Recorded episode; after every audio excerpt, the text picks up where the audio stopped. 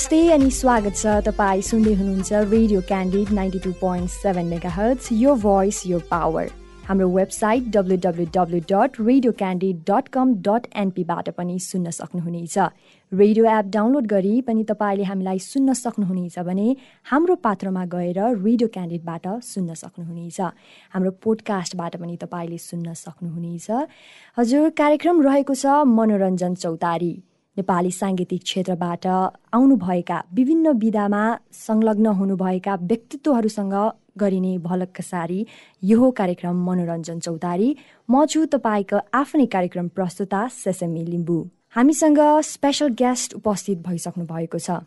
उहाँले करिब पाँच सयभन्दा बढी म्युजिक भिडियो डिरेक्ट गर्नु भइसकेको छ। र टु थाउजन्ड फिफ्टिनमा अधकट्टी मुभीबाट आफ्नो फिल्म डिरेक्सन जर्नी डेभिड गर्नुभएका फिल्म डिरेक्टर र media personality today we have with us Subrata Acharya सुब्रतजी welcome to the program Manoranjan Chautari thank you सेसनजी खुसी लाग्यो रेडियो क्यान्डिडेटले मलाई सम्झेकोमा. सो हाम्रो ब्याक स्टेज कुरा भयो होइन? राम्रै कुरा भयो तर मैले एउटा क्वेसन चाहिँ सोध्नै बिर्सेछु। हजुर। सन्चै हुनुहुन्छ त? किनभने प्रायः जसो हामी कुराकानी गर्दा गर्दै हुन्छ नि त्यो एउटा इमोसनल्ली पनि हामी सन्चै छौँ कि छैनौँ भन्ने एउटा कसैले सोधिदिँदा पनि एउटा एकदमै हुन्छ नि आनन्द फिल हुन्छ कि? सो तपाईँ कतिको सन्चै हुनुहुन्छ र? एकदम त्यसो भन्दाखेरि वास्तवमा हाम्रो आधा रोग भएको छ अरे कि? एउटा इम्युन पावर बढ्नलाई पोजिटिभ भाइब्स जिउमा आउनुपर्छ। त्यो पोजिटिभ भाइब्स आउने काम चाहिँ त्यसले गर्छ कि? वास्तवमा हो। यो कुरा म एग्री गर्छु यहाँको कुरालाई। वास्तवमा म सन्चै छु। तपाईँलाई कस्तो? मलाई पनि एकदमै सन्चै छ। अझ आज तपाईँलाई भेट्न पाउँदा अझ म अझ बढी एनर्जेटिक भएको छु। सो अघि भर्खर मैले तपाईँलाई परिचय गर्ने बेलामा चाहिँ जिज्ञासा जिज्ञासाको कुराले गर्दा चाहिँ मैले यो सोधिहालेँ यो प्रश्न।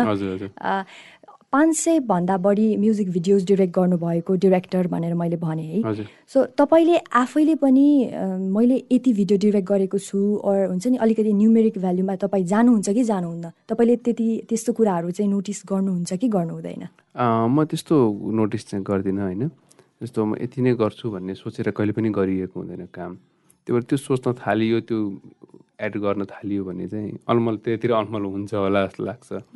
त्यो त्यो न्युयोर्क भ्यालुतिर लाग्ने यताउति त्यो कुरा म गर्दिनँ त्यस्तो गरिरहेको छैन। हजुर। सो भनेपछि तपाईँलाई एक्ज्याक्ट नम्बर याद छैन अहिले? नै यस्तो हुन्छ सुरुका दिनहरूमा करियर बनाउने क्रममा स्ट्रगल लाइफ थियो त्यो बेलामा मुभीमा एसिस्टेन्ट डिरेक्टर भएर काम गरेँ मुभीहरूमा त्यो बेलामा धेरै अगाडि होइन? अनि हाम्रो राजेन्द्र सलप भन्ने दाई हुनुहुन्छ एकजना film director plus media person अनि साहित्यकार पनि हो। उहाँले चाहिँ सुब्रत तिमी फिल्ममा डाइरेक्सन एसिस्टेन्ट डाइरेक्टर काम गरिसकेको छ टेलिभिजनमा काम गरिसकेको छ म्युजिक भिडियो डाइरेक्सन गर नि त भनेर उहाँले जिम्मा लाउनु भएको सुरुमा। त्यो मेरो फर्स्ट गीत मलाई याद छ हाँसी हाँसी जलिरहे खुसीसँगै बलिरहेछु भन्ने अरुणा लामा दिदीले गाउनु भएको गीत थियो। अनि उहाँको त्यो गीत गर्न पाउँदाखेरि मेरो सुरुवात डेब्यु नै राम्रो भयो जस्तो लाग्यो क्या मलाई। अनि त्यहाँपछि चाहिँ कन्टिन्यू गर्दै गएँ गर्दै गएँ। अब बिचमा त्यो बेलामा धेरै म्युजिक भिडियो बन्ने बेला थिएन। अरू साथीहरू बिजी हुनुहुन्थ्यो। म चाहिँ आफ्नो मेरो वास्तवमा मिडिया पर्सन पनि भएको भएर जबमा पनि व्यस्त थिएँ। अनि फुर्सदको बेलामा गरिरहेको हुन्थेँ तर पछि गएर चाहिँ काम राम्रो हुँदै गयो कि खारिँदै गयो कि म आई डोन्ट नो मलाई थाहा छैन। त्यसपछि काम आउन थाल्यो धेरै नै। अफर आउन थाल्यो। त्यसपछि कन्टिन्यू गर्दै काउन्ट चाहिँ गरेँ गरेको छैन। तर मलाई लाग्छ फाइभ हन्ड्रेड एराउन्ड पुगिसक्यो। प्लस भइसक्यो होला जस्तो लाग्छ। तर काउन्ट चाहिँ गरेको छैन मैले। हजुर हजुर। सो त्यो एउटाबाट सुरु गर्दा र अहिले फाइभ हन्ड्रेड भनेको एकदमै ह्युज नम्बर हो होइन? सो त्यहाँसम्म आइपुग्दाखेरि तपाईँलाई अहिले कस्तो महसुस हुन्छ? हाउ डु यु फिल कहिलेकाहीँ एक्लै बस्दाखेरि तपाईँ सोच्नुहुन्छ होला होइन? ओहो मैले त यति म्युजिक भिडियो गरिसकेँ डिरेक्ट गरिसकेँ। सो त्यतिखेर तपाईँलाई कस्तो खालको आभास हुन्छ? अहिले तपाईँले भनेपछि आवाज भयो यस्तो सोचेँ मैले। अहिले एकछिन सोचेँ भर्खरै भर्खरै सोचेँ है मैले। मलाई तपाईँले भनेपछि चाहिँ हो फाइभ हन्ड्रेड भिडियो गरिसकेँ ओहो भन्ने खालको फिल चाहिँ अहिले आयो। वास्तव मलाई त्यो फिलै आइरहेको छैन कि। मैले मेरो काम जुन जिम्मेवारी दिएको छ त्यो पुरा गर्ने रिलिज गर्ने त्यो मेरो आफ्नो काम हो होइन मैले गराउनुपर्छ मैले आफ्नो कम्प्लिट त्यसरी गर्नुपर्छ। तर मैले कहिले पनि सोचिनँ कि म यतिवटा गर्छु यति गर्छु यति नम्बर पुऱ्याउँछु यो गर्छु त्यो गर्छु भने कहिले पनि सोचिनँ। काम गर्दै जाने त्यसमा अब कति भिडियोहरू दर्शक श्रोताहरूले मन पराइदिनु भयो। करोडौँ करोड भ्युज पनि गएको छ कुनै भिडियो एक लाख भ्युज हुन पनि गाह्रो भएको छ। त्यस्तो अब युट्युबमा युट्युबको कुरामा। तर त्यति बेला हामीले गर्दाखेरि चाहिँ टेलिभिजन थियो कि। टेलिभिजनको कुन चाहिँ प्रोग्राममा कतिचोटि बज्यो के भयो भन्ने कुराहरू अब त्यो बेला क्यासेटमा बनाइन्थ्यो। त्यो क्यासेटमा पुग पुग्यो कि पुगेन त्यहाँ क्यासेट त्यहाँ बजाइदियो कि बजाइदिएन। कसलाई भेट्नुपर्छ बजाउनलाई? त्यस्तो खालको अवस्था पनि थियो। अहिले भ्युजको बेला आएको छ युट्युब भ्युजको। कति बन्यो? यो गीतको टिकटक बन्यो कि बनेन भन्नेसम्म आउँछ अहिले कुराहरू। त्यो त्यो खालको कुरामै रमाइलो भइरहेको छ मैले यति गरेँ यो गरेँ मैले वास्तवमा गर्व गर्ने ठाउँ पनि रहेको छैन र पस्ताउनु पर्ने ठाउँ पनि भएको छैन कि? त्यस्तो अवस्थामा छौँ। सो भर्खरै तपाईँले कुरा गर्नुभयो होइन जुन अहिले यो भ्युजको जमाना चलेको छ होइन। कुनै एक लाख पनि जान्छ कुनै करोडौँ पनि जान्छ होइन। सो त्यो भ्युजले चाहिँ कतिको म्याटर गर्दा रहेछ त आफ्नो करियरमा तपाईँलाई मोटिभेट गर्ने अर डिमोटिभेट गर्ने? त्यसले के म्याटर हो, गर्दैन यहाँनिर चाहिँ नम्बरले मोटिभेट अघि तपाईँ नम्बरको कुरा गर्नु यहाँनिर चाहिँ गर्दो रहेछ कि? यहाँनिर मेरो कुनै कुनै गीतहरू चाहिँ एकदमै मान्छेले दर्शक श्रोताहरूले मन पराउनु पर्ने गीतहरू हुन्छ। त्यो गीतहरूको भ्युज गइरह हुँदैन। कुनै कुनै गीतहरू चाहिँ। किन गएन भनेर टोलाउनु पर्ने अवस्था पनि हुन्छ। कुनै कुनै गीत चाहिँ अनएक्सपेक्टेडली सोचेको हुने यसको जान्छ र भनेर काम गरिदियो भरे यस्तो मन पराउँछ कि करोड करोड एकछिनमा पुगिन्छ कि। करोड माथि दुई करोड त्यसरी भ्युज बढ्दै जान्छ। अब यो पनि भइरहेको हुन्छ। मान्छे मतलब श्रोता दर्शकहरूको टेस्ट के हो भन्ने कुरा अहिलेसम्म वास्तवमा त्यो स्वस्थानी हो भने आज हजार जीवन भएको नागले पनि पत्ता लगाउन सक्दैन होला कि? त्यो टेस्ट के छ त? अब के मन पर्छ? कुन बेला के मनपर्छ भन्न सकिँदो रहेछ कि? हामी यो मेकरहरूलाई चाहिँ त्यही छ सिनेमा अथवा म्युजिक भिडियो जे बनाउनु भयो भने के चाहिँ मनपर्छ कस्तो खालको टेस्ट चाहिँ मन पराउन खोजिरहेछ कस्तो चिज चाहिँ मनपर्छ भन्ने कुरा कुनै एउटा परिधि नै छैन। त्यही भएर हामीले बनाउँदै जाने हो। सकेसम्म मेरो टार्गेट चाहिँ के हुन्छ भने गीत मैले पाएपछि सबभन्दा पहिला त म्युजिक भिडियोमा तपाईँलाई याद होला म्युजिक भिडियोमा म्युजिक भन्ने वर्ड अगाडि आउँछ। त्यसपछि बल्ल भिडियो भन्ने आउँछ। एक्ज्याक्टली भने मेरो बुझाइ चाहिँ के छ मेरो बुझाइ चाहिँ सेभेन्टी पर्सेन्ट म्युजिक नै राम्रो हुनुपर्छ।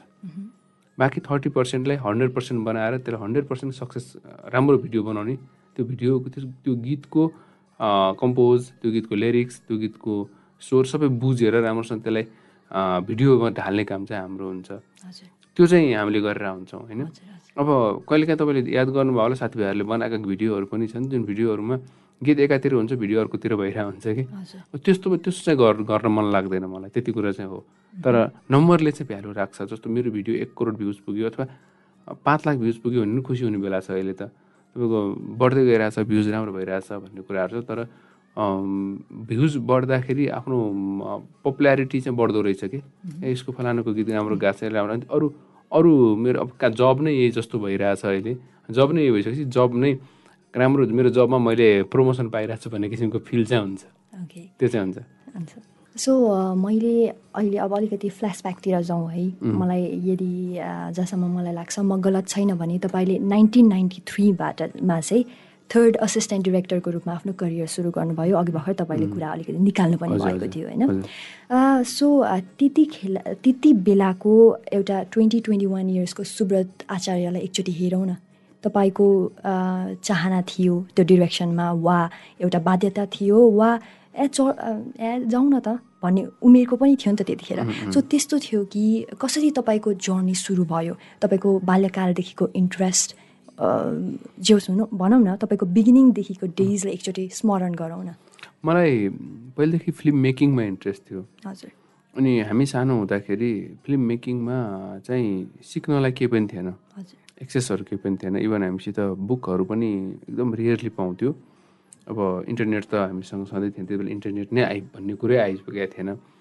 अनि त्यति बेला हामीलाई सिक्न धेरै गाह्रो थियो।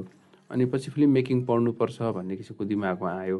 होइन मलाई चाहिँ एक्टिङमा इन्ट्रेस्ट मैले थिएटर पनि गरेँ डान्स कोर्स गरेँ सबै कुरा गरेको। तर त्यो मलाई अब फिल्म मेकिङ एक्टिङ गर्नको लागि फिल्म एक्टिङमै मेरो एक्टर बन्ने रहर थियो त्यति बेला। अनि एक्टर बन्नको लागि त फिल्म मेकिङ बुझ्नु पऱ्यो नि। फिल्म मेकिङको लागि मैले मेरो एकजना चिनेको दाइले चाहिँ त्यहाँ लगिदिनु भएको थियो। मेरो बुवाले लगिदिनु भएको थियो सायद। मेरो बुवाले उहाँले चिन्नु भएको थियो उहाँको त्यो डिरेक्टरलाई अनि यसलाई पनि एडि एसिस्टेन्ट डिरेक्टर बनाएर काम गराउन भनेर मेरो एसिस्टेन्ट डिरेक्टर भएर काम गरेको फर्स्ट फिल्म आन्दोलन थियो तपाईँले भनेको नाइन्टी टू नाइन्टी थ्रीतिरै हो। होइन? त्यो ताका मैले काम गरेँ। अनि त्यो मुभीमा काम गर्दा मैले कस्तोबाट गरेँ भने स्क्रिप्टदेखि त्यो फिल्म रिलिज भएर थिएटरमा लगाउने बेलासम्म मैले त्यो फिल्ममा काम गरेँ। भनेपछि तपाईँ बुझ्नु न ओभरअल सबै काम गरेँ क्या मैले त्यसमा। त्यसले मलाई धेरै कुरा सिकायो। होइन? दुःख पनि पाइयो। भनौँ न अब सुटिङ सकेर आइसकेपछि थकित भएर घर नगइकन त्यही अफिसकै म्या भुइँको भुइँमा के त्यो कार्पेट हुन्थ्यो त्यो कार्पेटमाथि पर्दा ओढेर सुत्या पनि छौँ हामी। अब एकदम थाकेको बेलामा के गर्ने? होइन अब खाना त दिइरहेको थियो हामीलाई खानाको प्रब्लम थिएन। अनि तर सुत्नलाई चाहिँ घर पुग्नु पर्थ्यो। अफिसमा भेट अफिसमा सुत्यौँ भोलि बिहान यहीँबाट सुटिङ हुन्छ अनि बिहान अब राति एघार सबभन्दा लास्ट काम हुन्छ हाम्रो सबैलाई भोलिपल्टको लागि रेडी बनाएर भोलिको सेड्युल भोलिपल्टको सेड्युल निकालेर सबै काम गरेर एसिस्टेन्ट डिरेक्टरहरू चाहिँ निस्किनु पाउँछ। अब हामी अरू सबै हिँडिसकेका हुन्छ हामी त्यो काम सकेर निस्किँदाखेरि राति पर्छ सुतौँ यहीँ भनेर। राति त्यही अब बाह्र बजीतिर घर गएर बिहान पाँच बजी आउनु त त्यहाँ हुन्छ। त्योभन्दा बरु त्यहीँ सुत भने त्यहीँ सुत्यो। त्यस्तो पनि अवस्था थियो। त्यसरी दुःख पनि गरिएको थियो। अनि त्यो दुःख गरेको वास्तवमा प्रतिफल पाइरहेको जस्तो लाग्छ। मैले अरू पनि मुभीहरू गरेँ। केही मुभी तिन चारवटा मुभीहरूमा काम गरेँ यति भएर। तर एजुकेसन मोस्ट इम्पोर्टेन्ट भन्ने कुरा फिल भयो। त्यति बेला म इन्टरमिडिएट लेभल लेभल भनौँ न त्यो सर्टिफिकेट फर्स्ट उसमा पढ्दै फर्स्ट इयर पढ्दै थिएँ। फर्स्ट इयर सेकेन्ड इयर थियो सायद मेरो। त्यति बेला पढ्दै थिएँ अनि कलेज म मेरो मिस भइरहेको थिएँ कि। तिन वर्ष फिल्ममा एडी भएर काम गर्दाखेरि मैले लगभग लगभग मेरो इन्टरमिडिएट लेभल नै म क्लियर गर्न सकेँ जहिले ब्याक लाग्ने कि। अब काम यता गरिरहेको छ कहाँ कलेज कलेजमा न क्लास लिन गएको छ न इक्जाममा राम्रोसँग एटेन्ड भएको। एटेन्ड चाहिँ हुने अनि एन्सर नआउने छोडेर नि पेज त्यो तिन वर्ष मैले भइसकेपछि मेरो घरबाट पढाइ चाहिँ सक्नुपर्छ भनेपछि अनि म अलिक ठ्याक्कै त्यो छोडेर पढाइतिर अलिक फोकस्ड भएँ। त्यही बेला मैले म्युजिक भिडियो गर्न थालेको। त्यसपछि म्युजिक भिडियो गरेर त्यसपछि लगभग लगभग पढाइमा पनि सकेँ यता पनि भएँ अनि मिडियामा पनि काम गर्न थालेँ फिल्ममा पनि काम गर्न थालेँ भिडियो पनि त्यो मेरो करियर त्यसरी अगाडि बढ्यो। हाम्रो कुराकानी यहाँ टुङ्गिसकेको छैन तर त्योभन्दा अगाडि हामी एउटा छोटो व्यापारिक विश्रामतिर लाग्छौँ। हामी फेरि फर्केर आउने नै छौँ। तपाईँ हामीलाई सुनेर साथ दिनुहोला। सुन्दै हुनुहुन्छ radio candid ninety two point seven mega hertz यो भोइस यो power.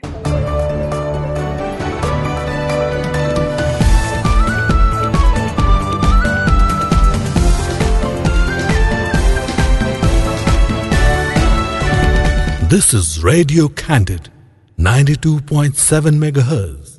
Your voice, your power.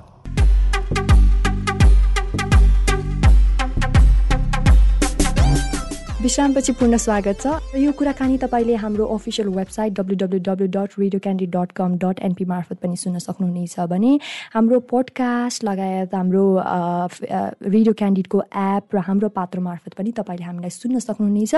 हाम्रो कुराकानीलाई मैले निरन्तरता दिन चाहेँ तपाईँले एज अ जर्नलिस्ट पनि तपाईँले काम गर्नुभएको थियो र अझै पनि आबद्ध हुनुहुन्छ। सो तपाईँको यो डिरेक्सन र यो जर्नलिजममा चाहिँ डिफ्रेन्स के पाउनुभयो त? धेरै डिफ्रेन्स पनि छ र छैन पनि है। हजुर। डिफ्रेन्स यो अर्थमा छ कि यो विधा नै फरक हो वास्तवमा। हामी वास्तवमा यो के अरे हामीले मास कम्युनिकेसन पढ्दाखेरि मास फिल्म मिडिया पनि पढ्नुपर्ने हुन्छ कि। त्यो कारणले मलाई फरक लाग्दैन। तर फरक यो अर्थमा छ कि हामीले गर्ने काम रलाई चाहिँ कभर गर्ने काम चाहिँ हाम्रो अर्को अर्को कामले गर्छ क्या भनेपछि त्यो अलिकति त्यहाँनिर कनेक्स इन्टर कनेक्सन छ। अनि त्यो मिडिया सबैलाई चाहिन्छ। तर मास मिडियाभित्र चाहिँ यो पनि पर्छ फिल्म फिल्म मिडिया पनि पर्ने भए भएर। यो खासै मलाई फरक चाहिँ लाग्दैन। तर फरक यो अर्थमा छ कि फिल्म मिडियाले एक किसिमको नाटकीय स्वभावमा होस् या विभिन्न स्टोरी टेलिङबाट होस् डिफ्रेन्ट तरिकाबाट उसले सोसाइटीमा मेसेजहरू कन्भे गरेर हुन्छ भने अब मिडियाले चाहिँ डाइरेक्टली गर्छ कि त्यो कुरालाई? भएको घटनालाई अरू कुराहरू डाइरेक्टली गरिदिरहेको हुन्छ भनेपछि त्यो चाहिँ डिफ्रेन्स छ। हजुर। सो तपाईँले चाहिँ यो छोड्न सक्नु भएन कुनै पनि विधालाई? होइन मैले बिचमा मलाई के फिल भयो भने मैले मेरो लाइफको गोल भनेको फिल्म मिडिया हो। हजुर। म त्यसकै लागि मैले जस्तो मास कम्युनिकेसन पढि पढ्दा पढ्दै मैले चाहिँ यो उसमा जोइन गरेँ मिडिया जोइन गरेँ होइन? जब त्यहाँ गर्न थालेँ। त्यो पनि मैले अरू बिट नसमातेर इन्टरटेनमेन्ट र लाइफस्टाइल समातेँ कि। मेरो बिट त्यो भयो। त्यो बिटमा काम गर्दा मेरो इन्टरटेनमेन्ट फिल्डको जस्तो म्युजिक फिल्डको साथीहरू अनि प्लस फिल्म फिल्डका साथीहरू बने अथवा दाईहरूसँग सङ्गत हुन थाल्यो। सजिलो मलाई के भयो भने मलाई पढ्नको लागि सिक्नको लागि चाहिँ जस्तो म त मिडिया अलिअलि एडी गरेर आएको थिएँ तर नयाँ नयाँ टेक्नोलोजी आइरहेछ हरेक छ छ महिना त त्यो बेला यस्तो ऱ्यापिडली यस्तो छिटो ग्रो भइरहेको थियो। अहिले पनि झन् भइरहेछ नि जस्तो एउटा भर्सनको मोबाइल आएपछि त्यसको छ महिना अर्को आइहाल्छ नि। त्यो बेला पनि त्यस्तै भइरहेको थियो कि। त्यो अर्को तरिकाले भइरहेको थियो। नयाँ नयाँ टेक्नोलोजी नयाँ नयाँ कुराहरू आइरहेछ नयाँ नयाँ किसिमको क्यामेरा आइरहेछ नयाँ नयाँ एडिटिङ सफ्टवेयरहरू आइरहेछ अथवा त्यो बेला हामी रियलमा एडिटिङ गर्थ्यौँ बिस्तारै एडिट भन्ने आयो त्यसपछि कम् डिजिटल एडिटिङ हुन थाल्यो। एनालगबाट उ भयो त्यो त्यो धेरै चेन्जेसहरू भयो कि। त्यो चेन्जेसहरू हुने क्रममा म त्यो बिचमा त्यो जो बिचमा थिएँ। त्यो बेला म यदि मिडियामा जोइन नगरेको भए म त्यो कुरा सिक्न पाउँदैन थिएँ होला। सायद आज म डिरेक्टर हुन्न थिएँ होला म्युजिक भिडियो अथवा तपाईँले जुन भन्नुभयो भने एउटा सक्सेस डिरेक्टर भनिदिनु भएको छ मलाई जुन त्यो हुन्न थिएँ होला कि। किन मैले त्यो बेलामा सिक्नलाई मैले धेरै नै कोसिस गरेँ धेरै पछि लागेँ म उहाँहरूको। अनि त्यो बेलामा जस्तो भनौँ न सपोज एउटा नाम चलेको डिरेक्टर थियो जस्तो निर शाह उहाँ नाम चलेको डिरेक्टर नारायण पुरी त्यति बेला हाम्रो दयाराम दाहाल यस्तो डिरेक्टर नाम चलेको डिरेक्टरहरूको एडिटिङ भइरहेको ठाउँमा म सरासरी छिर्न पाउँथेँ कि। किन म मिडिया पर्सन थिएँ? उहाँहरूलाई के लाग्थ्यो? म रिपोर्टिङ गर्न आइरहेको छु। म रिपोर्टिङ पनि गर्थेँ तर मलाई फाइदा के भइरहेको थियो भने उहाँहरूले कसरी काम गरेर हेर्न पाउँथेँ। दिनभरि उहाँहरूसँग सुटिङमा हिँड्न पाउँथेँ उहाँहरूसँग केही कुरा बोल्न पाउँथेँ। इन्टरभ्यू इन्टरभ्युज गर्दाखेरि कति कुरा सिकिन्छ नि त्यो कति कुरा सिक्न पाउँथेँ। त्यसरी त्यसरी पनि मैले आफूलाई बनाउँदै गएँ कि। त्यसरी पनि काम मलाई मिडियामा नभइदिए सायद आज म फिल्म मिडियामा चाहिँ हुन्न थिएँ होला। तपाईँको लागि चाहिँ यो दुइटै विधा एउटा रथको दुई पाङ्रा एक्ज्याक्टली नै दुइटा भयो, अहिले पनि मिडियाहरूमै छु मिडियामै इन्भल्भ छु होइन? तर अहिले ठुलो पर्दा डट कम भन्ने अनलाइनको एडिटर छु। अहिले म खास एउटा मिडियामा बसिराख्नुपर्छ भन्ने हिसाबले मात्र बसिरहेको नत्र भने मलाई अब अब अहिले चाहिँ मलाई फुल टाइम यता दिन मन लाग्छ। डिरेक्सनतिरै फुल टाइम दिन मन लागिरहेछ अहिले। ओके। तपाईँले चाहिँ अ, अधकटी मुभीबाट फिल्म डिरेक्सन डेब्यू गर्नुभयो होइन? त्यतिखेरको सम्झना गरौँ न त। कसरी तपाईँ मुभी अब चाहिँ म मुभी बनाउनको लागि चाहिँ एउटा क्यापेबल भएँ है भन्ने कसरी तपाईँलाई महसुस भयो? त्यो एउटा टाइम आउँदो रहेछ। मैले चाहिँ प्लट खोजिरहेको थिएँ। स्टोरी प्लटहरू खोजिरहेको थिएँ। स्टोरी प्लटहरू भेटिरहेको थिइनँ। अनि अल अफ सडन एउटा घटना सुने कान्तिपुरभित्रै भएको। कान्तिपुर पब्लिकेसनमा थिएँ म त्यति बेला। अनि त्यहाँभित्र एउटा घटना सुनेँ त्यो घटना सुनेपछि त्यो घटनामा चाहिँ त्यो घटना सुनाउने एकजना दाई हुनुहुन्थ्यो। उहाँले हाम्रो सम्पादक हुनुहुन्थ्यो त्यति बेला उहाँले सुनिसकेपछि रमाइलो छ यसलाई चाहिँ सुन्नुपर्छ भनेर सुने त्यो प्लट यस्तो आयो यसमा त फिल्म बन्नुपर्छ भन्ने कुराहरू उठ्यो कि। त्यसलाई मैले स्क्रिप्ट गरेँ अनि स्क्रिप्ट राइटर भाइहरूसँग बसेर कामहरू गरेँ अनि एउटा राम्रो एउटा स्क्रिप्ट तयार भइसकेपछि अनि त्यसपछि बल्ल मैले त्यसलाई फिल्म गर्नुपर्छ भनेर मैले स्क्रिप्ट तयार भइसकेपछि फाइनेन्सर खोज्न थालेँ। अनि धेरै भड्क्यौँ हामी। धेरैजनासँग भेटघाट भयो धेरै पटक को धेरै मान्छेसँग भेटघाट भयो धेरै कुराहरू भयो। तर इन्ड डे हाम्रो प्रदीप उदय दाईले चाहिँ यो फिल्म म गर्छु प्रड्युस भन्नुभयो। उहाँले भनेको एक वर्षपछि बल्ल फिल्मको काम सुरु भयो। यो लगभग लगभग यो फिल्म प्रोजेक्टको स्क्रिप्ट सबै गर्दा तिन चार वर्ष हामीलाई लाग्यो। फाइनेन्सर खोज्ने गर्ने सबै गर्दाखेरि। त्यसरी गरेर बल्ल मेरो फर्स्ट मुभी भन्यो अनि त्यसपछि त वास्तवमा मुभी बनाउने तरिका त थाहा छँदै थियो। अरू पनि गर्नुपर्छ भनेर बिस्तारै गर्न थालेँ। तर मिडियामै जब गरिरहेको भएर मलाई अलिकति गाह्रो थियो टाइम निकाल्न। पछि मैले मिडिया नै छोडेर अनि सुश्री सम्पत्ति भन्ने गरेँ। हजुर अब अहिले अर्को मुभी गर्न लागेर थियो पेन्डामिक अगाडि नै अनाउन्स भएको थियो के घर केटेर अब बल्ल गर्दैछु। हजुर। बल्ल सुटिङ गर्दैछु। ओके।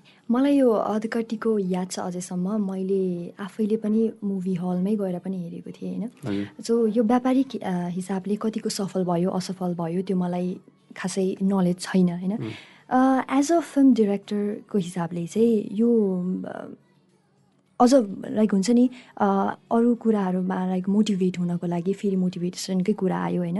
यो व्यापारिक हिसाबमा पनि व्यापारिक हिसाबले तपाईँलाई कतिको अफेक्ट गर्छ त?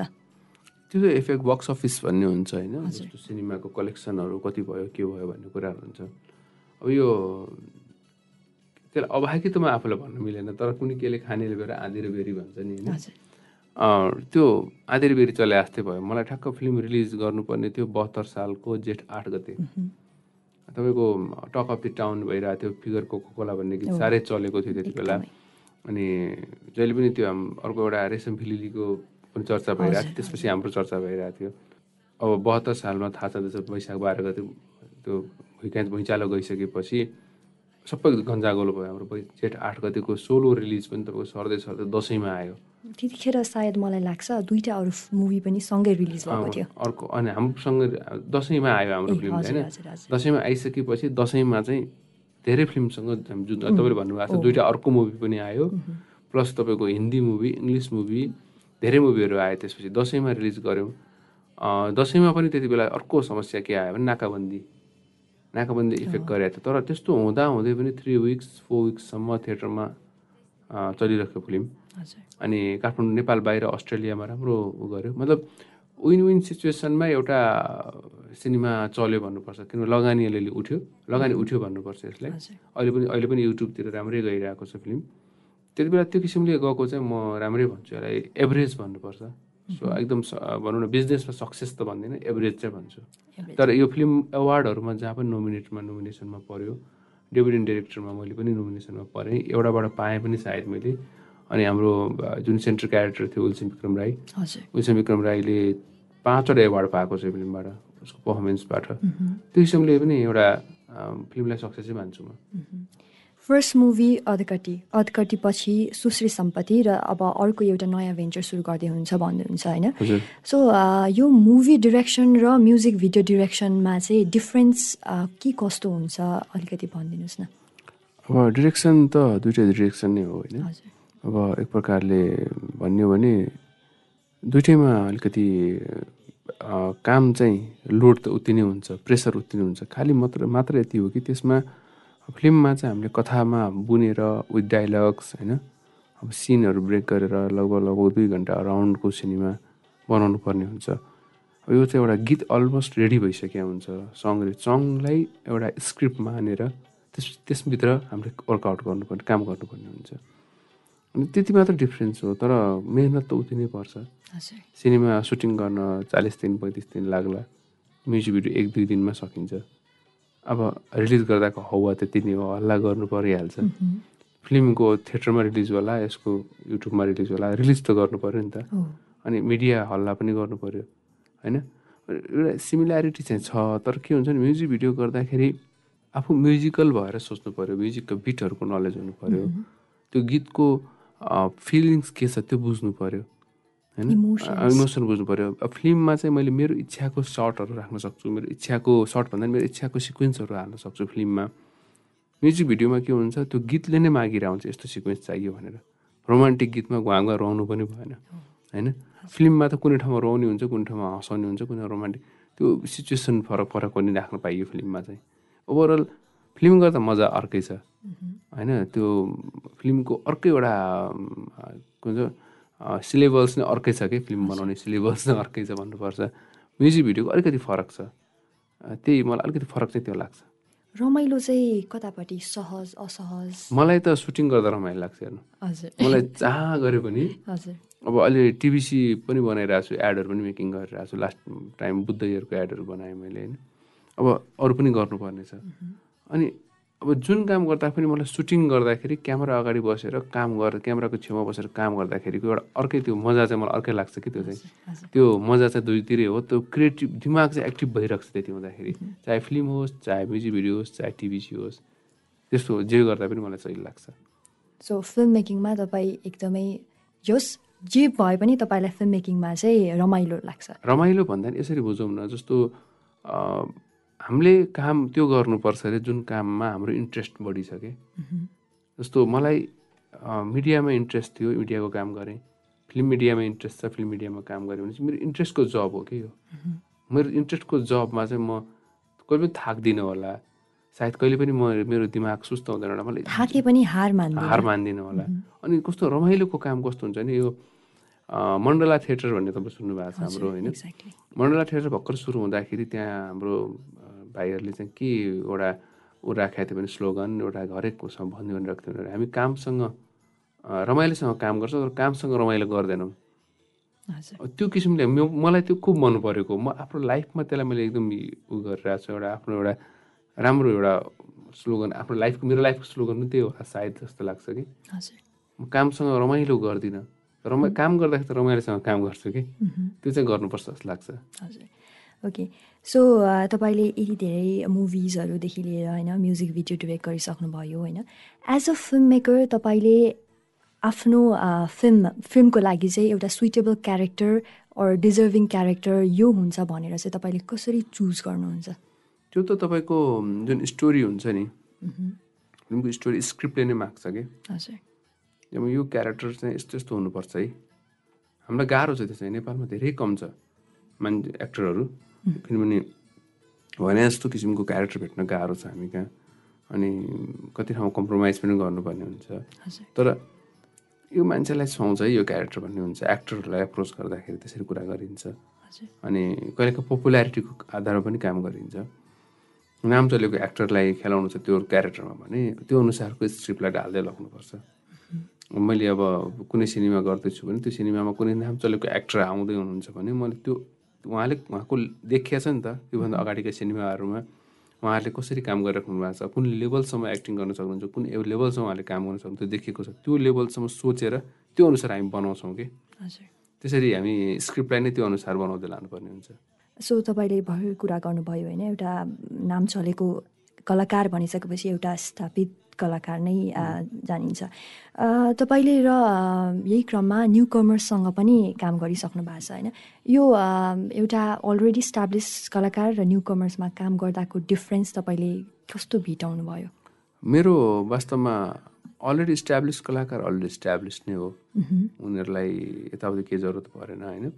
अब एउटा किसिमको मैले केही कलाकारहरूमा अब तितो कुरा हो यो। केही कलाकारहरूमा म इस्ट्याब्लिस छु म चलेको आर्टिस्ट हुँ भन्ने किसिमको अहम पनि भेटेको छु। र नयाँ कलाकारहरूमा पछिल्लो पटक आएका कलाकारहरूमा केही कलाकार एकदमै मेहनती पनि छन्। र केही कलाकार एउटा लेभलमा पुगिसकेपछि आफूलाई उनी गर्न कन्फ्युज छन् के? म एटिट्युड देखाएर हिँडौँ कि? म डिमान्ड गरेर हिँडौँ कि? अथवा म यही नर्मल भएर काम माग्दै हिँडौँ कि? अथवा म केही पनि नगरिकन बसौँ म काम मगा आफै आउँछ। यस्तो खालको सोचाइ कन्फ्युजनमा छन् कि? म त के भन्छ आफूले गर्न लागेको काममा दृढ निश्च दृढ निश्चय भनौँ। म काम यो गर्दैछु भनेर। र नम्बर अर्को कुरा राम्रो काम सकेसम्म छाड्ने काम नगरौँ। राम्रो कामले नै मान्छेलाई चिनाउने हो। त्यहाँ पैसा भन्ने कुरा सेकेन्डरी कुरा हुन्छ कि। भोलि कामले नै तपाईँलाई भोलि पपुलारिटी दिन्छ। कामले नै तपाईँलाई भोलि अरू काम पनि दिन्छ कि। त्यो हिसाब त्यो हिसाबले बुझ्नुपर्छ कि हामीले। त्यो बुझ्न चाहिँ अलिक अलिकति ढिलाइ भएर के सायद भाइहरू बहिनीहरू चाहिँ अलिक पछाडि परिरहेछन् कि? त्यस्तो लाग्छ। हजुर। सो अब यहाँ इस्टाब्लिस कलाकारको कुरा आइसकेपछि अहिले यो म्युजिक भिडियोमा जुन ट्रेन्ड चलेको छ नि जता पनि अब एउटा फिस मात्रै देखाउन पाए पनि त्यो थम्नेलमा फिस मात्रै देखाउन पाए पनि अब यो म्युजिक हिट हुन्छ भन्ने जुन मान्यता जुन छ त्यसलाई तपाईँले कसरी लिइराख्नु भएको छ? मैले भने नि जस्तो तारतम्य मिल्नुपर्छ कि? जस्तो तपाईँले हामीले खाना खाँदाखेरि दाल भात तरकारी अचार सबै ठक्क मिलेको थाल हुन्छ नि। जुन थाल मिलेको हो भने त्यो खाउँ खाउँ लाग्छ नि हामीलाई। होइन? त्यही तपाईँको दालको भात पनि तपाईँको उ नगरिकन नमिचेको त्यत्तिकै राखिदिएको छ। दाल पनि त्यत्तिकै त्यहीँ खनाइदिएको छ। केही नमिलेको थाल हामी त थालबाट भात भोक त लाग्यो हुन्छ। खाना त खान त खाइन्छ। तर त्यो किसिमले खाइँदैन होला कि। जुन हेरेर खाना खाँदाखेरि पहिला आँखाले खानालाई हेर्छ अरे कि। खानाले आँखाले पेट भर्छ अरे कि खानाको खानाको आँखाको पेट भर्नुपर्छ अरे पहिला। अनि त्यसपछि बास्नाले त्यसपछि भर्नुपर्छ होइन। त्यसपछि बल्ल अनि मुखले स्वाद लिने हो। तपाईँको यहाँ के छ भने आँखाले राम्रो देखाउनलाई पनि त्यो क्यारेक्टर राखिएको हुन्छ। उहाँहरूले पहिला हेर्नुहुन्छ ओहो यसमा त फलानु एक्टर खेला रहेछ। यो गीत केही राम्रै भएर त खेलाउनु फलानु एक्टरले पनि एक्सपेक्ट राख्नुहुन्छ। र कलाकारले पनि के सोच्नु पऱ्यो भने मैले जे पाए त गीत चाहिँ गर्नु हुँदैन है। पैसाकै लागि भने जे पाए त गीत चाहिँ गरेर जे पाए त भिडियोहरू गरेर काम चाहिँ गर्नु हुँदैन। चाहे मैले नै अफर गरे भए पनि होस्। त्यसरी बुझ्नु पऱ्यो कि। मलाई यो गीत सौला र मलाई हुन्छ र भन्ने खालको त्यो खालको मेन्टालिटी चाहिँ बनाइराख्नु पहिलेदेखि बनाउनुपर्छ आफूले। नत्र पनि राम्रो हुँदैन। त्यस्तो लाग्छ मलाई। तपाईँले पनि कसैलाई हुन्छ नि मुभीको लागि ओर म्युजिक भिडियोको लागि अफर गर्ने बेलामा यो स्टाब्लिसलाई यो यो म्युजिक चाहिँ यो स्टाब्लिस कलाकारको लागि हो यो म्युजिक न्यु कमर्सको लागि हो भन्ने केही छुट्याउनुहुन्छ त? त्यस्तो भन्दा पनि जस्तो कतिपय अवस्थामा हाम्रो क्लाइन्टको डिमान्ड पनि हुन्छ। मेरो गीत यस्तो बनाएको छ यो गीतमा मलाई फलानलाई खेलाउनु मन छ भन्ने डिमान्ड हुन्छ। त्यो अनुसार उहाँलाई सँगसँगै सुहाउँदैन हामी प्लान गर्छौँ। नसु कतिसम्म अब नसुहाउने रहेछ भने के गर्दाखेरि सुहाउन सक्छ? त्यो एकचोटि ट्राई गरेर हेर्छौँ। भएन भने चाहिँ नसुहाउला भन्ने भन्यो। उहाँहरूले मान्दै मान्नु भयो भने राखिन्छ। तर प्रायः त्यही हामीले फलानलाई गर्दा राम्रो हुन्छ कि यसलाई गर्दा राम्रो हुन्छ कि भनेर सल्लाह सरसल्लाह सरसल्लाह चाहिँ हामी क्लाइन्टले हाम्रो जुन म्युजिक भिडियो बनाउने प्रड्युसर हुनुहुन्छ उहाँहरूले सल्लाह दिइरहेको छौँ हामी सो यो यो लाइक चोइस अफ क्यारेक्टरमा चाहिँ यो प्रड्युसर र डिरेक्टरको कतिको क्लास पर्छ त? क्लास डिस्कस भनौँ न त्यसलाई। क्लास। भन्दा पनि डिस्कस हुन्छ। डिस्कसन चाहिँ भइरहेको हुन्छ। त्यो त भएको राम्रो हो नि। डिस्कसनबाटै राम्रो कुरो निस्किन्छ जस्तो लाग्छ मलाई। त्यो भएको राम्रो भन्छु म किनभने मलाई यो राख्न मन छ भने मैले भनेर मैले मेरो गुरुको बारे टक्का पनि भन्नु हुँदैन वास्तवमा। मैले यति नै गर्न चाहिन्छ मलाई यो नै चाहिन्छ भन्ने पनि मिल्दैन। कतिपय अवस्थामा उहाँले केही सोचे होला किनभने पछि गएर त लस र प्रफिटको सबै जिम्मेवारी उहाँले बोक्नुपर्ने हुन्छ। उहाँले पनि केही सोच्नुहुन्छ। नत्र यतिकै फिल्डमा त आउनुहुन्न होला नि त। त्यस्तो लाग्छ मलाई। अब फेरि पनि हामी एउटा छोटो कमर्सियल ब्रेकमा लाग्छौँ। हामी फर्केर आउने नै छौँ। सुनेर साथ दिनुहोला। तपाईँ सुन्दै हुनुहुन्छ radio candid ninety two point seven mega hertz यो भोइस यो power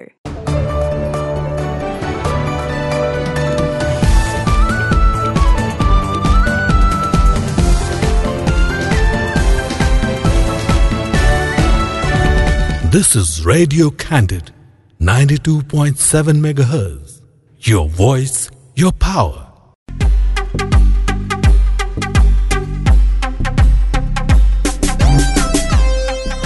विश्रामपछि पूर्ण स्वागत छ। यो कुराकानी तपाईँले हाम्रो official website W W W dot radio candid dot com dot NP मार्फत पनि सुन्न सक्नुहुनेछ भने हाम्रो पोडकास्ट लगायत हाम्रो रेडियो क्यान्डिडको एप र हाम्रो पात्र मार्फत पनि तपाईँले हामीलाई सुन्न सक्नुहुनेछ।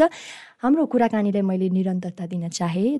सो अहिले यो कोभिडको टाइममा जुन छ नि फिल्म बन्ने क्रममा पनि रोकिरहेको बेलामा चाहिँ तपाईँले यसलाई कसरी लिनुहुन्छ हुन त तपाईँले अघि भर्खर भन्नुभयो होइन अब फिल्महरू हुँदैछ सुटिङतिर लागिसकेको छ सबै चिज भनेर। त्यही पनि अहिले रिसेन्टकै घटनाबाट पनि होइन मुभी एउटा डेटमा फिक्स भइसक्दा पनि सरिरहेको देखिरहेछौँ कि हामी। सो यतिखेर चाहिँ यतिखेरको सिचुएसनलाई निहाल्दै गर्दाखेरि तपाईँले अब चाहिँ नेपाली चलचित्र क्षेत्रलाई कसरी अघि लानुपर्छ जस्तो लाग्छ एज अ फिल्म मेकर तपाईँको भ्यूमा?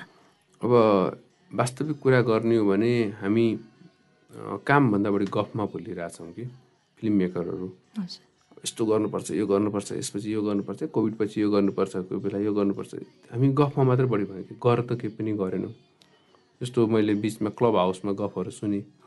लकडाउनको बेलामा कस्तो ठुल्ठुलो कुरा भएको थियो त्यहाँ कति गजब गजब कुराहरू निक्लिएको थियो कति फिल्म मेकरहरू बोल्नु भएको थियो त्यहाँ। म सुनेँ मैले कतिवटा। म पछि गएर मलाई त्यो लेभलसम्म पुग्नको लागि मलाई बेस नै बनिसकेको छैन भने त्यो लेभलको कुराकानी गरेर कामै छैन।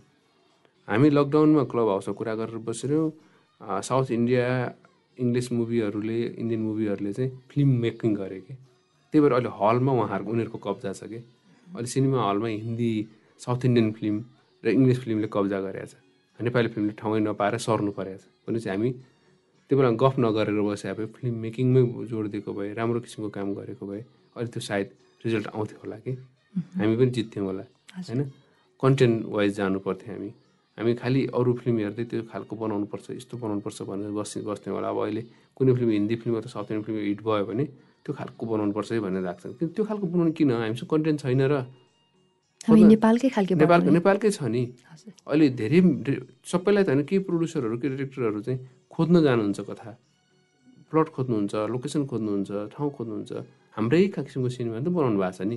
सबैले त्यस्तो बनाउँ न हाम्रो चिज निस्किन्छ हाम्रो बजेटमा पनि बन्छ त्यति भएपछि होइन? त्यहाँबाट त्यो किसिमको कुराहरूलाई चाहिँ अलिकति विचार गरिएन जस्तो लाग्छ मलाई। सो यहाँ हाम्रो साउथ इन्डियन हुन्छ नि लाइक कुरा आइहाल्दाखेरि चाहिँ यो साउथ इन्डियन जस्तै मुभिजहरू नेपालकै लाइक हुन्छ नि डिरेक्टरहरूले बनाए तापनि यो हाम्रो दर्शकमा चाहिँ पुग्न अलिक मुस्किल नै परिरह्यो जस्तो लाग्छ कि मलाई? त्यसमा चाहिँ तपाईँले के भन्नुहुन्छ? कन्टेन्टमा अलिक लुजनेस भएको हो कि? यो हाम्रो मेकिङमा अलिक केयरलेस भएको हो कि? हामी जस्तो साउथ इन्डियामा साउथ इन्डियाको लाइफ स्टाइल बुझ्नु म साउथ इन्डिया पुगेको छु धेरै पटक होइन? त्यहाँको लाइफ स्टाइल उनीहरूको उनीहरूले फिल्ममा हाल्या हुन्छन् कि राम्रोसँग हाल्या हुन्छन्। हाम्रो लाइफ स्टाइलमा त्यो म्या हालिदिँदाखेरि कस्तो नमिले जस्तो हुन्छ कि? तपाईँको भातसँग चाउचाउ मुसेर खाए जस्तो हुन्छ कि हामीले? त्यो किन हामीले हामीले हाम्रो चिज शुद्ध खाना हो नि त। होइन तपाईँले ढिँडो चाउचाउ भात एकै ठाउँमा हालेर त्यहाँ दाल पनि मासु हाल्नु दुध पनि हाल्नु नि के हुन्छ? त्यस्तो निस्किन्छ कि त्यो किन एउटा चिज एउटा चिज राम्रो होला नि? अब मिक्स गर्दा मिक्स नगर्नु भने होइन कुरा मेकिङको ट्रिकहरू सिक्ने हो। फास्ट स्क्रिप्ट कसरी बनाउने सिक्ने हो? टेकिङ खिच्ने कसरी सिक्ने हो? एडिटिङ कसरी गरिरहेको छ भने त्यो सिक्ने हो कि? कन्टेन्ट सिक्ने होइन कि? कन्टेन्ट हामीसँग छ कि? हामीभित्र कन्टेन्ट छ नि। अहिले मैले के गर केडेर अनाउन्स गरेको छु? फिल्म। फिल्म गर्दैछु त्यो के गर हामी यहीँभित्र कन्टेन्ट काठमाडौँभित्र कन्टेन्ट छ कि? त्यसलाई भिजुलाइज कसरी गर्ने एडिटिङ कसरी राम्रो गर्ने एक्टिङ कसरी गराउने भन्ने कुरा त्यो कुरा मैले बाहिरबाट सिक्नु जरुरी छ। तर त्यो कन्टेन्ट नै सिकेर चाहिँ कन्टेन्ट नै हामी सिक्छौँ कन्टेन्ट नै हामी गर्छौँ कि? त्यो चाहिँ राम्रो भएन कि? हजुर। यो यो कला भन्ने चिज जुन छ नि मान्छेहरू धेरैले चाहिँ एज अ हबीको रूपमा लिए लिइरहेछन् कि? अब तपाईँले भन्नुभयो नि अब हामीले एडिटिङ सिक्नु पऱ्यो होइन? बिहा यो के हुन्छ त भनेर हामीले यो सिक्नु पऱ्यो त्यो यो सिक्ने कुरा आउँदाखेरि चाहिँ अब हाम्रो अस्पाइरिङ डिरेक्टर्सहरू जो हुनुहुन्छ हामीलाई सुनिरहनु भएको श्रोता मध्ये पनि कोही हुनुहुन्छ होला होइन? म डिरेक्सनतर्फ चाहिँ एज अ प्रोफेसन नै म लाग्छु भनेर बसिरहनु भएको। उहाँहरूलाई चाहिँ अब प्रोफेसनल डिरेक्टरसम्म आइपुग्दाखेरि चाहिँ के के कुरामा चाहिँ तपाईँले नलेज राखिराख्नुपर्छ जस्तो लाग्छ? त्यो जर्नी चाहिँ तपाईँको सिकेर हेरेर सिक्ने कुरा हो। जस्तो मलाई कविता लेख्नु छ भने मैले हजारौँ कविता पढ्नुपर्छ। हजुर। कविहरूको कविता पढ्नुपर्छ। कविताको एउटा एउटा जुन कविता लेख्ने एउटा शैली सिक्नुपर्ने हुन्छ होइन? फिल्म मेकिङ पनि त्यही हो। मलाई फिल्म बनाउनु छ भने मैले हजारौँ फिल्म हेर्नु पऱ्यो सयौँ फिल्म हेर्नु पऱ्यो मेकिङ तपाईँलाई कस्तो खालको जनराको सिनेमा बनाउनु मन छ? तपाईँलाई एक्सनमा इन्ट्रेस्ट छ भने एक्सन टाइपको सिनेमाहरू हेर्नु पऱ्यो सोसियलमा हेर्नु सोसियल कमेडी छ भने कमेडी जनरामा जानु पऱ्यो अब रियलिस्टिक सिनेमा भन्नु रियलिस्टिक जानु पऱ्यो कोही डकुमेन्ट्री मेकिङमा जानु डकुमेन्ट्रीहरू हेर्नु पऱ्यो आफ्नो जनरा जुन चाहिँ जनरामा हेरेर जति हेऱ्यो उति सिकिन्छ। संसारलाई हेर्नु पऱ्यो। अहिले हामीसित एक्सेस छ नि। हामीले सिक्दाखेरि हाम्रो बेलामा हामीसित थिएन। हामीले त कि टिभी हेर्नु पर्थ्यो कि सिनेमा हलमा गएर हेर्नु पर्थ्यो। हामीसँग अरू अप्सन थिएन। टिभी पनि ब्ल्याक एन्ड व्हाइट टिभीको बेला हामी त है अझै। अनि त्यो हेर्नु पर्थ्यो। अहिले तपाईँको तपाईँको हातमै छ के? मोबाइलमै हेर्न सक्नुहुन्छ कम्प्युटरमै हेर्न सक्नुहुन्छ। संसारका सिनेमाहरू त्यहीँ हेर्न सक्नुहुन्छ नि तपाईँले होइन? त्यो हेर्नु पऱ्यो त्यसरी सिक्नु पऱ्यो नि त। त्यो सिक्ने तपाईँ जाँगर चल्यो भने बल्ल। त्यो आफूले चाहेको टार्गेटमा पुग्न सकिन्छ होला। हजुर। यो भयो हामीले देखेर सिक्ने भोगेर भोगाइका सिकाइहरू होइन? कति अहिले त हाम्रो फिल्म मेकिङतिर स्टडिजहरू पनि आइसकेको छ नेपालमा पनि होइन। यो एजुकेसनल लाइक हुन्छ नि यो हाम्रो थ्योरेटिकल नलेज नै लिएर आउनेहरू जुन हुनुहुन्छ र यता हामीले देखेको भरमा सिक्नेहरू सबै भोगाइबाट अ, सिकेर आउनुभएकोहरू यसबाट चाहिँ आउटकममा केही डिफ्रेन्स हुन्छ कि हुँदैन? यस्तो हो जस्तो मैले देखेको जो पढेर आउनुभएको छ हजुर। उहाँहरूलाई प्र्याक्टिकलको जरुरत छ। फिल्डमा जस्तो पढेर पौडी खेल्न सकिँदैन। एक्ज्याक्टली होइन? फिल्डमै लाग्नु पऱ्यो केही राम्रो कामहरूमा इन्भल्भ हुनु पऱ्यो दुःख पाउनु पऱ्यो अलिकति। सुरुमा अलिकति हुन्छ नि नल न हुन्छ अब अहिलेको हिसाबमा नलडाइकन मोटरसाइकल सिक्न सकिँदैन कि? होइन? नठोकाइकन कार सिक्न सकिँदैन। पानी दुई दुई चार घुड्का नखाइकन पौडी खेल्न सकिँदैन भने जस्तो हो कि। दुःख अलिकति गर्नु पऱ्यो अब पढेर मैले जानिसकेँ फलानुको अब एउटा फलानाले यस्तो भनेको थियो यो थ्योरी यसले लिएर आएको यो थ्योरी यसले ल्याएको भनेर त्यो किताबी ज्ञान मात्र भएर चाहिँ हुँदैन। तर प्र्याक्टिकल गरेकोहरूलाई पनि अलिकति थ्योरिकल नलेज पनि चाहिन्छ। थ्योरी उनीहरू पनि जान्नु पऱ्यो क्या जसले हामी जस्तोहरूले यो भनेको यो यो लेन्स भने यो हो यो क्यामेरा यो जस्तो यो क्यामेराले यसरी काम गर्छ क्यामेराको फ्रेमिङ भने यो फ्रेमिङको अर्थ यो हुन्छ। म किन मैले क्लोजअप सट लिँदैछु त्यसको मलाई मिनिङ चाहियो? मैले वाइट किन खिच्दैछु? त्यो मिनिङ चाहियो मलाई। किन चाहियो त? मलाई त्यो वाइट सर्ट त्यहाँनिर किन चाहियो त? तपाईँहरू म यसरी गफ गरिरहेका छौँ यहाँनिर खिच्नु पऱ्यो भने कुन फ्रेमिङ लगाउँदा बेस्ट हुन्छ भन्ने कुराको नलेज हामीसँग हुनु पऱ्यो यति डाइरेक्सन गर्नु छ भने। अनि अनि सिनेमाटोग्राफरसँग कुराकानी गरेर सिनेमाटोग्राफरले अझ बेस्ट निकाल्न सक्यो भने अझ राम्रो भयो भने त्यही हुन्छ। हामी त्यसरी काम गर्नुपर्ने हो। अब यहाँ चाहिँ टेक्निकल नलेजै नराखिकन प्र्याक्टिकल यत्तिकै डाइरेक्सन एकदम सजिलो काम जस्तो पनि गरिरहेछन् अझ म्युजिक भिडियो फिल्डमा त अझ म्युजिक भिडियो फिल्डमा त अझै त्यस्तो साथीहरू धेरै आउनु भएको छ। अघि भन् पनि भनिसकेँ होइन एज हबीको रूपमा हबीको रूपमा आइरहेछ सजिलो काम के? के पनि जानेन पत्र डाइरेक्टर बन्नु या पत्रकार बन्नु। कस्तो सजिलो छ कि? गाह्रो छ नि। युट्युबमा युट्युबर भएर काम गर्नु पनि गाह्रो छ कि? युट्युबे भन्ने है अब युट्युबे भन्ने होइन नि। वास्तव धेरै गाह्रो काम छ। त्यो बुझेर आएर गऱ्यो भने धेरै राम्रो काम हो कि त्यो जब तर त्यसलाई अहिले आएर युट्युबे भन्ने कस्तो नराम्रो वर्डहरू युज गर्न थालियो कि। मिडिया कर्मी नै भन्ने कि चाहिँ म म मान्दिनँ होइन। केहीलाई केहीलाई चाहिँ म एकदम मिडिया कर्मी नै मान्छु फेरि। युट्युबै चलाए पनि एकदम राम्रो चलाइराख्नु भएको छ कि। प्रोफेसनल प्रोफेसनल हुनुपर्छ। त्यही भएर हरेक फिल्डमा आफू त्यो पछि त भोग्ने आफैले हो। यदि राम्रो गरिएन भने मैले राम्रो काम गरिनँ भने भोलि मलाई मलाई माइनस गर्दै गर्दै लगिहाल्छ नि। म हराइहाल्छु नि। अथवा म फेलियर हुँदै जान्छु नि। हो। एउटा पनि सक्सेस भएन भने त म फेलियर हो नि त। त्यो भएपछि त मलाई मान्छेहरूले त्यतिकै रिजेक्ट गरिहाल्छ नि। अनि त्यो रिजेक्ट किन हुने? पहिला आफूलाई अलिकति नलेज राखेर जाउनु भन्ने कुरा हो। त्यो चाहिँ गर्न सकिन्छ कि जस्तो लाग्छ। एक्ज्याक्टली सो अब यही क्रममा चाहिँ तपाईँले जो अस्पायरिङ डिरेक्टर्सहरू हुनुहुन्छ जसलाई चाहिँ मिडियामा एकदमै इन्ट्रेस्ट छ उहाँहरूलाई केही टिप्स दिन चाहनुहुन्छ तपाईँको यो दशकको एक्सपिरियन्स पछिको एक्सपिरियन्सबाट चाहिँ? अब यस्तो हो जसलाई यो फिल्डमा इन्ट्रेस्ट छ चाहे डाइरेक्सन होस् चाहे मिडिया होस् उहाँहरूलाई इन्ट्रेस्ट भएको छ भने सबभन्दा पहिला त्यो इन्ट्रेस्ट कुन लेभलसम्मको छ त्यो आफूलाई जाँच्नु पऱ्यो क्या उहाँले। टिप्स मैले दिएर केही पनि हुँदैन किनभने उहाँहरूले पहिला आफ्नो मनमा बनाइसक्नु भएको हुन्छ कि म यो गर्छु भनेर। उहाँहरूले आइडल पर्सनालिटी पनि बनि रोजिसक्नु भएको हुन्छ म यो जस्तो भन्छु भनेर। अथवा म यसरी बन्छु भन्ने उहाँले एउटा बाटो बनाइसक्नु भएको हुन्छ। अनि अहिलेको बेलामा त तपाईँलाई मैले टिप्स दिने भन्दा नि अहिले गुगलले दिन्छ कि टिप्स। अहिले आफूलाई चाहिएको कुरा गुगलमा सर्च गर्ने। गुगल अहिले राम्रो एउटा अहिले एक्सेस यस्तै सहिलो छ गुगलमा जाने खोज्ने आफूलाई चाहिएको कुराहरू हेर्ने। नलेज जति सिक्यो उति हुन्छ। अल्छी नगर्ने सबभन्दा कुरा अल्छी नगर्ने अरू दायाँ बायाँ नभड्किने र खराब आदततिर नलाग्ने त्यति भए सक्सेस भइन्छ एकदम। सो आज हामी कार्यक्रमको एन्डतिर पनि आइसके सकेछौँ होइन? तपाईँको अपकमिङ प्रोजेक्ट्सहरू अब केमा व्यस्त हुँदै हुनुहुन्छ त तपाईँ चाँडै होइन?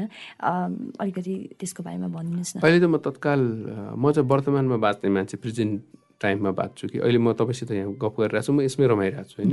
म यसपछि के हुन्छ यसपछि कहाँ जानु छ मैले सोचेकै छैन होइन? अब के हुन्छ भने वर्तमानमा बाँच्न सक्नु पऱ्यो होइन अहिले त्यति यति बेला पहिला मैले गरेँ होला केही राम्रा कामहरू गरेर केही नराम्रो गरेँ होला म राम्रै मात्र गरेँ भन्दिनँ मैले सेभेन्टी पर्सेन्ट नराम्रो गरेँ होला थर्टी पर्सेन्ट राम्रो गरेँ होला।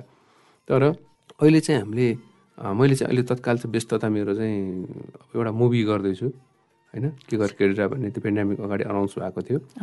त्यो फिल्म म अब अलिकति स्क्रिप्टलाई अलिकति चेन्ज गरेर अलिकति केही कुराहरू नयाँ थपेर केही कुरा मिलाएर त्यो गर्दैछु। त्यो एक एक केडेरा भन्ने मुभी छ मेरो यो अब चाँडै नै यसको अनाउन्स हुन्छ रिअनाउन्स हुन्छ। त्यसपछि बिचमा यही यही बिचमा एक दुईवटा म्युजिक भिडियोहरू दुई चारवटा धेरै पनि लिएको छैन दुई चारवटा गर्नु छ नि एक दुईवटा टिभी एडहरू गर्नु छ त्यति मेरो काम अहिले चाहिँ तत्काल ओके तपाईँको मुभी चाँडै आओस् र हामीले हलमा छिटै नै हेर्न पाऊँ भन्ने शुभकामना दिन चाहन्छु. थ्याङ्क यू सो मच सुब्रतजी आइदिनु भयो कार्यक्रममा यो हाम्रो. फिफ्टी फाइभ मिनट जति तपाईँले आफ्नो टाइम दिनुभयो थ्याङ्क यू सो मच अब भने हामी कार्यक्रमको अन्त्यमा आइसकेका छौँ। तपाईँ सुन्दै हुनुहुन्छ कार्यक्रम मनोरञ्जन चौतारी जहाँ हामी हरेक दिन तिन बजेको क्यान्डिड फटाफटपछि चार बजीसम्म यस्तै यस्तै स्पेसल गेस्टहरूलाई इन्भाइट गरेर कुराकानी गर्ने गर्छौँ। यसरी नै तपाईँ मलाई सधैँ साथ दिनुहुन्छ भने आशा गर्दै म सेसमी लिम्बू यहाँबाट बिदा हुन चाहन्छु। धन्यवाद।